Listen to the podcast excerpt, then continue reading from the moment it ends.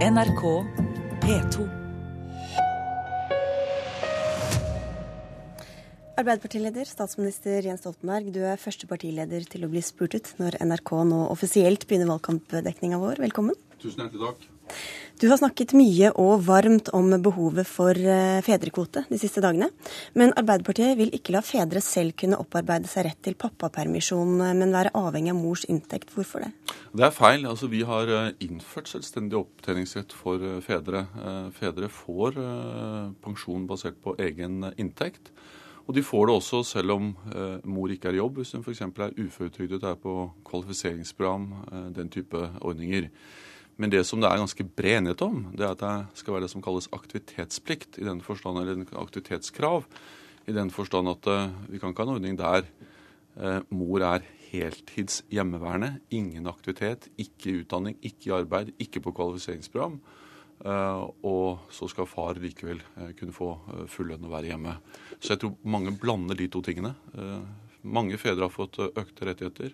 De får på egen lønn. Men det er ikke likestilt. Det er, det er fortsatt avhengig av mors inntekt? Nei, det er avhengig av at mor har en inntekt, eller altså uføretrygdet for at han skal få rett. Men da får han basert på sin inntekt. Så jeg tror man blander veldig to ting. Men, ja, men fedrekvoten, altså permisjonsordningen, utløses av hennes eh, arbeidsdeltakelse? Av hennes deltakelse, ja. Og, poeng, og, hele poenget der er at eh, jeg tror, hvis folk, altså, jeg tror man blander mange begreper. Altså, mange flere fedre har fått rettigheter. De får rettigheter basert på egen inntekt. Men det er ikke slik at vi kan ha en foreldrepermisjonsordning som er slik at hvis, eh, altså, hvis mor er hjemme, så kan far få pensjon hvis mor går ut og f.eks. tar utdanning, deltar i introduksjonsprogram for innvandrere, eh, eh, deltar noe i arbeidslivet. Men vi kan ikke ha en foreldrepermisjonsordning der altså mor er på heltid hjemme, og så får far heltidsbetalt for hjemme. Hvorfor ikke det? Fordi hele poenget med permisjonsordningen er jo å bidra eh, til mer likestilling. Og vi ønsker ikke å ha en ordning som gjør at det, det altså ikke stilles noen krav til aktivitet. Eh, det tror jeg Men, men hvorfor, altså Likestillingsarbeiderpartiet, altså partiet Arbeiderpartiet, hvorfor skal dere ikke likestille foreldrene sånn at det bare Hvorfor skal det følge mor? Hvilke signaler sender det? Jo, men altså det, Far har fått selvstendig opptjeningsrett i betydningen at han får Så lenge mor er i arbeid eller annen Så lenge mor er i en eller annen form for aktivitet. En, en del av permisjonen får han uansett, men, uh, men altså full permisjon det er vel, altså for alle ukene er det, er det, ikke slik at far kan få hvis mor velger uh, å ikke altså gå ut i noen form for aktivitet. Vi holder oss til familier i alle former og dilemmaer knyttet til det. Jens Stoltenberg, hva syns du om surrogati? Uh, altså jeg, uh, jeg, jeg, mener at det er riktig at vi har de lovbestemmelsene vi har i Norge, der det ikke er tillatt. Og det er det bred enighet om. Det som jo har vært en mye mer krevende debatt i Norge, er hvordan vi skal håndtere de som velger å ta det i utlandet. Hvorfor legger dere til rette for surrogati gjennom at dere sikrer de juridiske rettighetene til surrogatbarn, og heller ikke gjør det praksis, i praksis ulovlig å skaffe seg det i utlandet? Altså, jeg, altså, det som er Poenget der er jo at det er viktig at når først barn er eh, født, eh, og det har skjedd gjennom surrogati, så er det viktig at de barna får en ryddig juridisk ramme rundt sin eh, oppvekst. Det mener jeg er eh, helt avgjørende. Men, eh, men eh, det det også da har vært bred enighet om i Norge, er at vi skal ikke legge til rette for at folk reiser til utlandet og gjør det, men vi skal ikke gjøre det straffbart å komme hjem med barn som har blitt født gjennom surrogati. En indisk mann saksøker den norske staten nå etter at kona hans døde etter å ha vært surrogatmor for et norsk par. Hvilket moralsk ansvar mener du Norge har for kvinner som dør i barsel mens de føder barn til norske par? Altså Vi må samarbeide med andre land for å få til eh, best mulig eh, samarbeid om den type etiske problemstillinger det reiser. Men vi kan ikke fra norsk side lovregulere aktivitet i et annet land. Eh, det tror jeg blir Men det moralske ansvaret, da? Altså, vi har ansvar for å samarbeide med dem. At våre myndigheter skal eh, samarbeide med og informere med dem, har så mye dialog som mulig. Men, men, det er nesten indiske myndigheter som håndterer indisk lov og håndhever indisk lov i India. Det kan ikke norske myndigheter begynne med. Dere skriver i programmet deres at dere vil utvide forsøksordningen med gratis prevensjon ved å inkludere flere områder og årskull. Hvorfor er det riktig å bruke penger på? Fordi tiltak som bidrar til eh, å gjøre det lettere for spesielt unge å få prevensjon, er eh, bra. Det kan bidra til å redusere antall uønskede eh, svangerskap. Og det er grunnen til det. Hvordan henger det sammen med at helseminister Jonas Gahr Støre nå har bestemt at unge under 25 år ikke lenger skal få gratis prevensjon? Så Det har vært en forsøksordning, og vi har aldri sagt at vi skal gå hele veien ut med en gang. Det har vært en forsøksordning som han så langt ikke har funnet eh, økonomi til å videreføre. Men Hvordan henger det sammen med det dere skriver i programmet? At vi ikke tar det hele skrittet med en gang. Eh, at vi fortsatt har en målsetting om at flere skal få, men ikke at alle kan få med en gang. Og at den forsøksordningen var en forsøksordning. Men nå trapper dere jo ned mens dere sier dere skal trappe opp? Det var en forsøksordning for eh, noen, eh, og så har vi fortsatt en mål i programmet. Men vi har ikke eh, mulighet i de budsjettene vi nå har, til å gjennomføre det for alle. Hva annet i Arbeiderpartiets program kan vi se bort fra, da? Nei, Det er ikke snakk om å se bort fra det. Det er snakk om at man har et mål, at vi gjennomfører det skrittvis. Men vi har sagt veldig tydelig i vårt program at det er ikke slik at vi kan gjennomføre alle tingene der i ett budsjett, og dette er eksempel på det.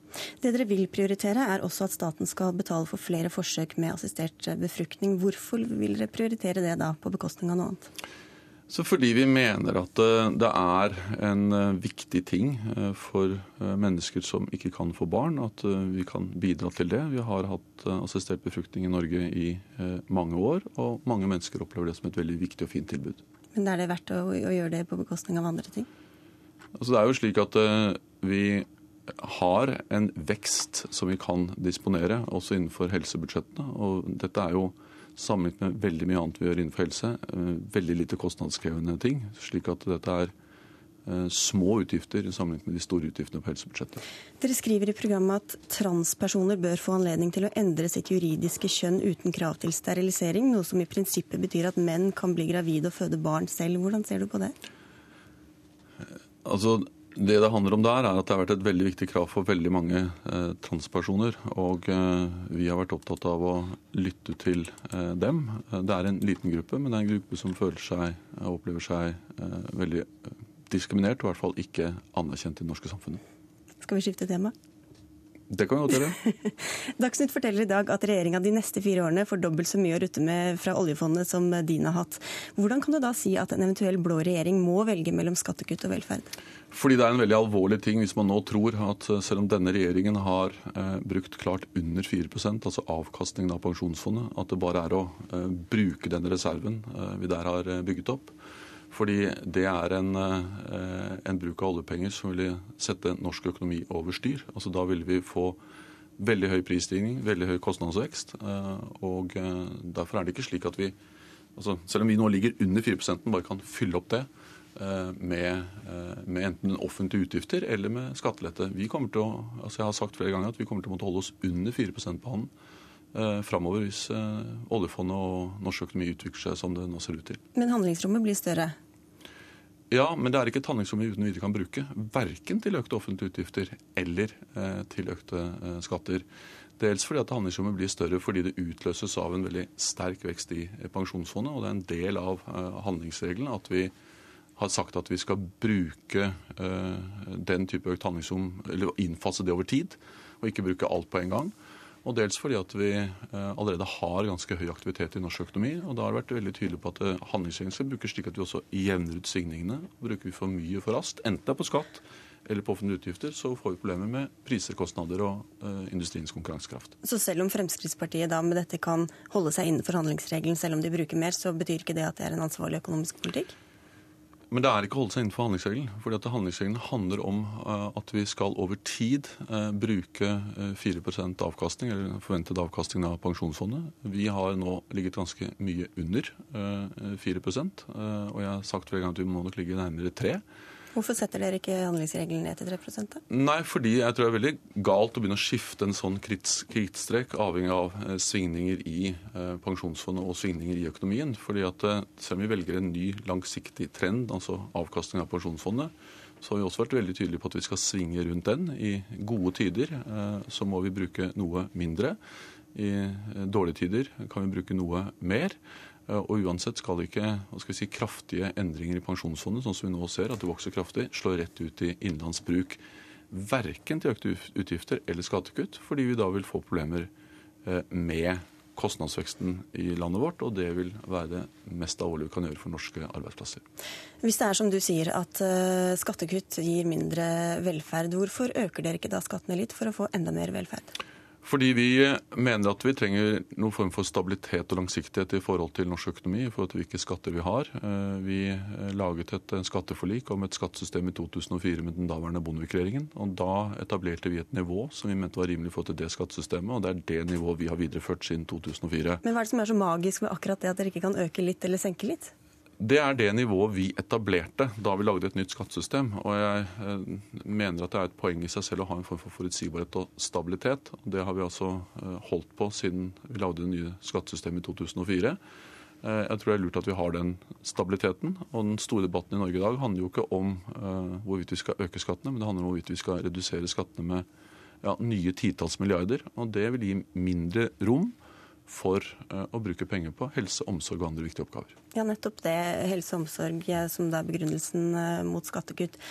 Eh, for å ta det, Hvor sikker på er du for at f.eks. din far Torvald, som nå er frisk og rask, men en dag kanskje blir skral og syk, kan få sykehjemsplass når han og dere mener han trenger det? Så Jeg føler meg trygg på at han kommer til å uh, få uh, en god omsorg hvis han skulle trenge det. Men vi vet dessverre at det er for mange eksempler på at folk ikke får det. fordi vi har sett Når folk klager, så er det for mange som, som får eh, en god del mennesker medhold i at de ikke har fått de tilbudene de har krav på. Loven er jo grunnleggende sett veldig klar, nemlig at du har lovfestet rett til eh, den nødvendige helsehjelp. og Det er en sykehjemsplass hvis det er det. Men vi ser at det ikke eh, for alle fungerer, eller ikke blir fylt med innhold. Og Det er grunnen til at vi har satt i gang en veldig stor utbygging. Det viktigste der er over 20 000 flere eh, ansatte eller årsverk i pleie og omsorg. Eh, men det er også mer kompetanse. Flere med utdanning, flere som kan demens. Og også eh, både fornyelse og utbygging av nye plasser. Men hvor fornøyd er du med at dere ikke er kommet lenger i løpet av de åtte årene du har sittet? At folk fortsatt er usikre på hvordan de skal ende med dem selv eller med folk nær dem? Altså Det har vært en formidabel utbygging. altså med mm, og det aller viktigste uttrykk for det er mange eh, tusen flere ansatte. Og det er ansatte i pleie og omsorg, både med hender og hoder, både med kompetanse og det de på alle måter bidrar med, som er det viktigste uttrykket for opptrapping i pleie og omsorg. OECD hadde nå en nylig en sammenligning, og der kommer Norge veldig høyt ut uh, blant de aller beste når det gjelder omsorg.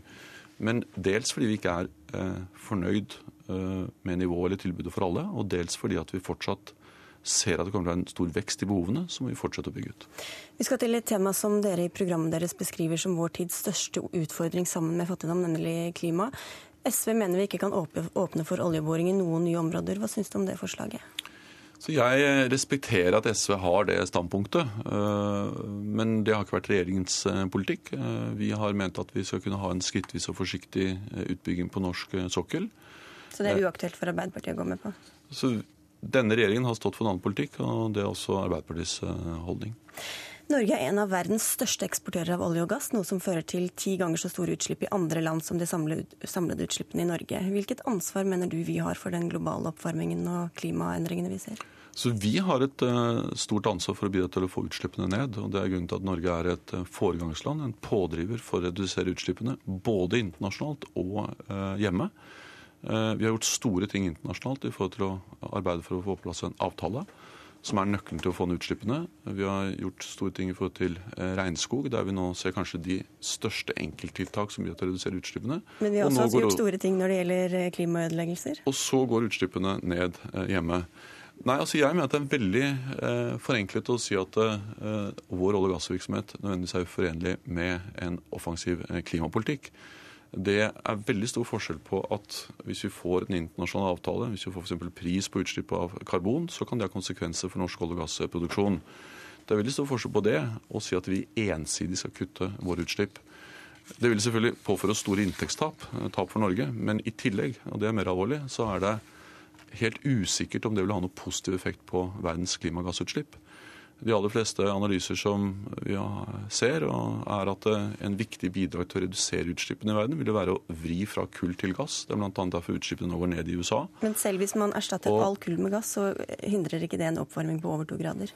Så det vi ser nå er at det er mange land som får ned utslippene fordi de har vridd fra kull til gass. Eh, og i en lang periode vil den vridningen være et vesentlig bidrag til eh, reduksjoner. Og eh, hvis vi ensidig begynte å kutte på vår produksjon, så er jo risikoen bare at det ville bidra til mindre gass og mer kull. Og det vil i hvert fall øke utslippene. Så det er veldig stor forskjell på det å få til en avtale, og vi er veldig sterk tilhenger av en avtale med ikke minst at man setter en pris på utslipp, og det å begynne ensidig å kutte. Det vil ha usikre, kan til og med ha negativ virkning på utslippene. Men Det internasjonale energibyrået sier at minst to tredeler av verdens fossile, altså det vi vet finnes av olje, gass og, og kull, eh, må ligge hvis vi skal unngå en global oppvarming på over to grader. Hvem bør la sitt eh, kull, olje og gass ligge, om ikke Norge? Vi bør få til en avtale som gjør at det kommer en pris på utslipp. Eh, og da vil de fossile brenslene som forurenser mest, som er minst lønnsomme hvis det koster å forurense, bli liggende. Og Det vil først og fremst være kull. Eh, det vil i minst grad være eh, gass. Og norsk eh, sokkel så er det slik at oljeproduksjonen faller jevnt og trutt, mens gassproduksjonen øker og øker. Og i mange år fremover og i mange land vil det å gå fra kull til gass kunne bidra til omtrent halvering av utslippene. Så det vil være fullstendig meningsløst om vi ensidig begynte å begrense norsk petroleumsproduksjon i et håp om at det kunne føre til lavere utslipp, når det altså i tillegg til å påføre oss store inntektstap, som er alvorlig nok, eh, vil altså eh, kunne bidra til økte utslipp, men i hvert fall en veldig usikker effekt på totalutslipp. Men disse avtalene du snakker om er jo helt i det blå. Hvem skal man be la sine rikdommer ligge om ikke rike Norge skal gjøre det? Altså, det er mye bedre at vi bruker våre rikdommer på ting målrettede tiltak vi vet fører til reduksjoner. Eh, som f.eks. at vi var det eneste landet som overoppfylte Kyoto-avtalen uh, med 10 Det bidro til reduksjoner gjennom at vi fikk til uh, kjøp av kvoter, finansierte klimatiltak, som påviselig bidrar til lavere utslipp. At vi bruker milliarder av kroner på redusert avskoging, er mye bedre at vi gjør det, og bruker vår rikdom til den type tiltak, enn å gjøre ting eh, som påfører oss store inntektstap, men som har usikker effekt. Så jeg vil mye heller bruke mer penger på ting som virker, enn å eh, bruke masse penger på ting jeg er usikker på virker. Hva syns du da om å pumpe opp mest mulig olje, olje før oljeprisen eventuelt faller, når, hvis kvotesystemet begynner å virke, for at vi skal tjene oss enda rikere? Altså jeg er for en, en gradvis skrittvis utvikling på norsk uh, sokkel. Det er enorm usikkerhet om framtidig oljepris. Man har jo trodd den skulle falle mange ganger før. Den har uh, økt. Uh, hvordan den ser ut om 10 og 20-30 år, det er vi veldig usikre på. Men det viktigste er at Norge er for det tiltaket som vil bidra til å både begrense etterspørselen av fossile brensler totalt, men også vri fra kull til gass nemlig at det koster å forurense en CO2-pris. Og Vi har jo det i Europa. Eh, problemet er at eh, er, altså taket er for lavt, så prisen er for lav. Nei, taket er for høyt, så prisen er for lav. Eh, og, og vi må forsøke å få ned taket, slik at prisen kan gå opp. Hvorfor gjør dere ikke mer utenfor kvotesystemet i Norge og setter opp avgiftene betydelig på f.eks. bensin, diesel, oljefyring, noe vi vet har innvirkning på hvilke valg folk tar? Det vi har valgt, eh, altså Først så har vi veldig høye avgifter i utgangspunktet i Norge på fossile brensler. Jeg tror knapt noe land, om noe land, har høyere avgifter. Eh, for det andre så har vi valgt i forhold til avgiftene å mer vri avgiftene, også eh, målrette bilavgiftene, slik at vi nå har hatt en veldig reduksjon i utslippene fra biler. 25% reduksjon omtrent. og Det er jo et uttrykk for at vi har brukt avgiftene til å gjøre bilparken mer miljøvennlig. Eh, fyringsolje er jo økt kraftig, og det har bidratt til å utfase fyringsolje betydelig fra norsk husholdning, norsk bruk. Så jeg eh, vil si at vi har brukt de virkemidlene betydelig, og i klimaforliket ligger det an til eh, ytterligere utfasing av den type fossile brensler. Men hvis du var en grei og miljøbevisst diktator som skulle regjere i minst 30 år uten bekymring for gjenvalg, hva ville du da gjort for å gjøre Norge mer eh, miljøvennlig? Altså, da ville jeg gjort det som monner mest. Og det som monner aller mest, er jo det vi bidrar til gjennom det internasjonale kvotesystemet. Jo, men i Norge, da? Ja, men Det bidrar også i Norge. For det er jo den type internasjonale priser som presser eh, eh, fram en omlegging av både produksjon og forbruk i Norge. Så forsterker vi det gjennom egentlig tre viktige grep. Det ene er 50 milliarder i et teknologifond. Og det andre er gjennom massiv satsing på kollektivtransport. Jens Stoltenberg, takk skal du ha for at du kom til partilederutspørringen. I kveld skal du delta i NRKs partilederdebatt i Arendal, så drosjebilen står vel og venter utenfor?